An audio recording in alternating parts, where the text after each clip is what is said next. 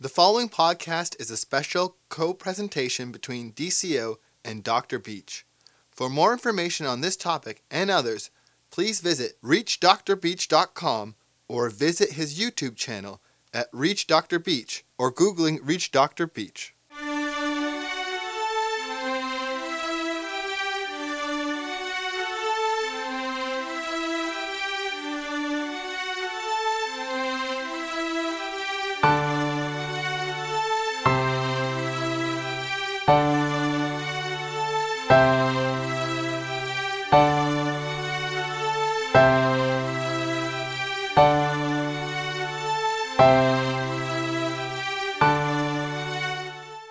Hi, this is Dr. Beach, and welcome to the final video in the Insight Stalker series, part 6.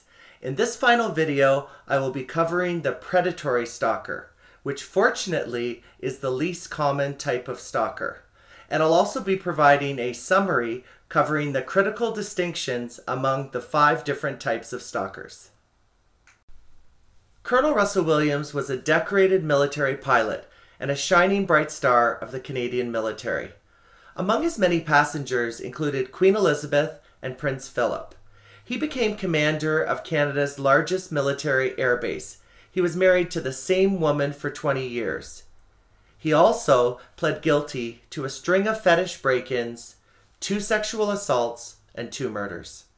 In 2007, Colonel Russell Williams began breaking into homes near his cottage in Tweed, Ontario and in 2008 near his home in Ottawa. He patiently stalked his victims, all female. He methodically planned the break ins, scoped out their homes, often entering them multiple times. By the fall of 2009, Russell advanced to stalking, raping, and erotically asphyxiating Marie France Comeau, a 38 year old co worker.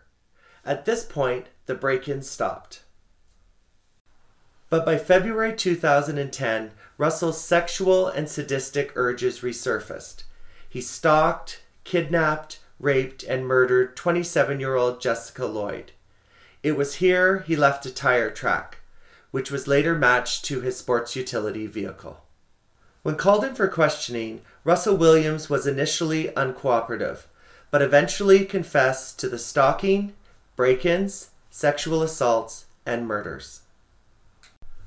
Predatory stalkers comprise 4% of all stalkers, yet they are the most dangerous stalker type. Like Russell Williams, one of the aspects that makes predatory stalkers so dangerous is the degree of planning, preparation, and rehearsal that precedes their attacks.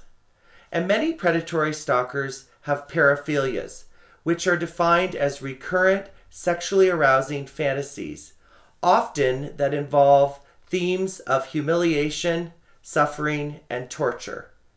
And many predatory stalkers have convictions, often including sexual convictions. Predatory stalkers are notorious for their criminal versatility, which is defined by the wide range of crimes that they exhibit, often beginning with more nonviolent crimes and then escalating over time into more severe, violent, and sexual crimes. In summary, a primary take home teaching point for this series is the ability to discern the five primary motivations for the five different stalker types. For the rejected stalker, the primary motivation is reconciliation and revenge. For the intimacy seeking stalker, the primary motivation is desiring an intimate relationship. For the incompetent stalker, the primary motivation is a sense of entitlement to a relationship. For the resentful stalker, the primary motivation is perceived persecution.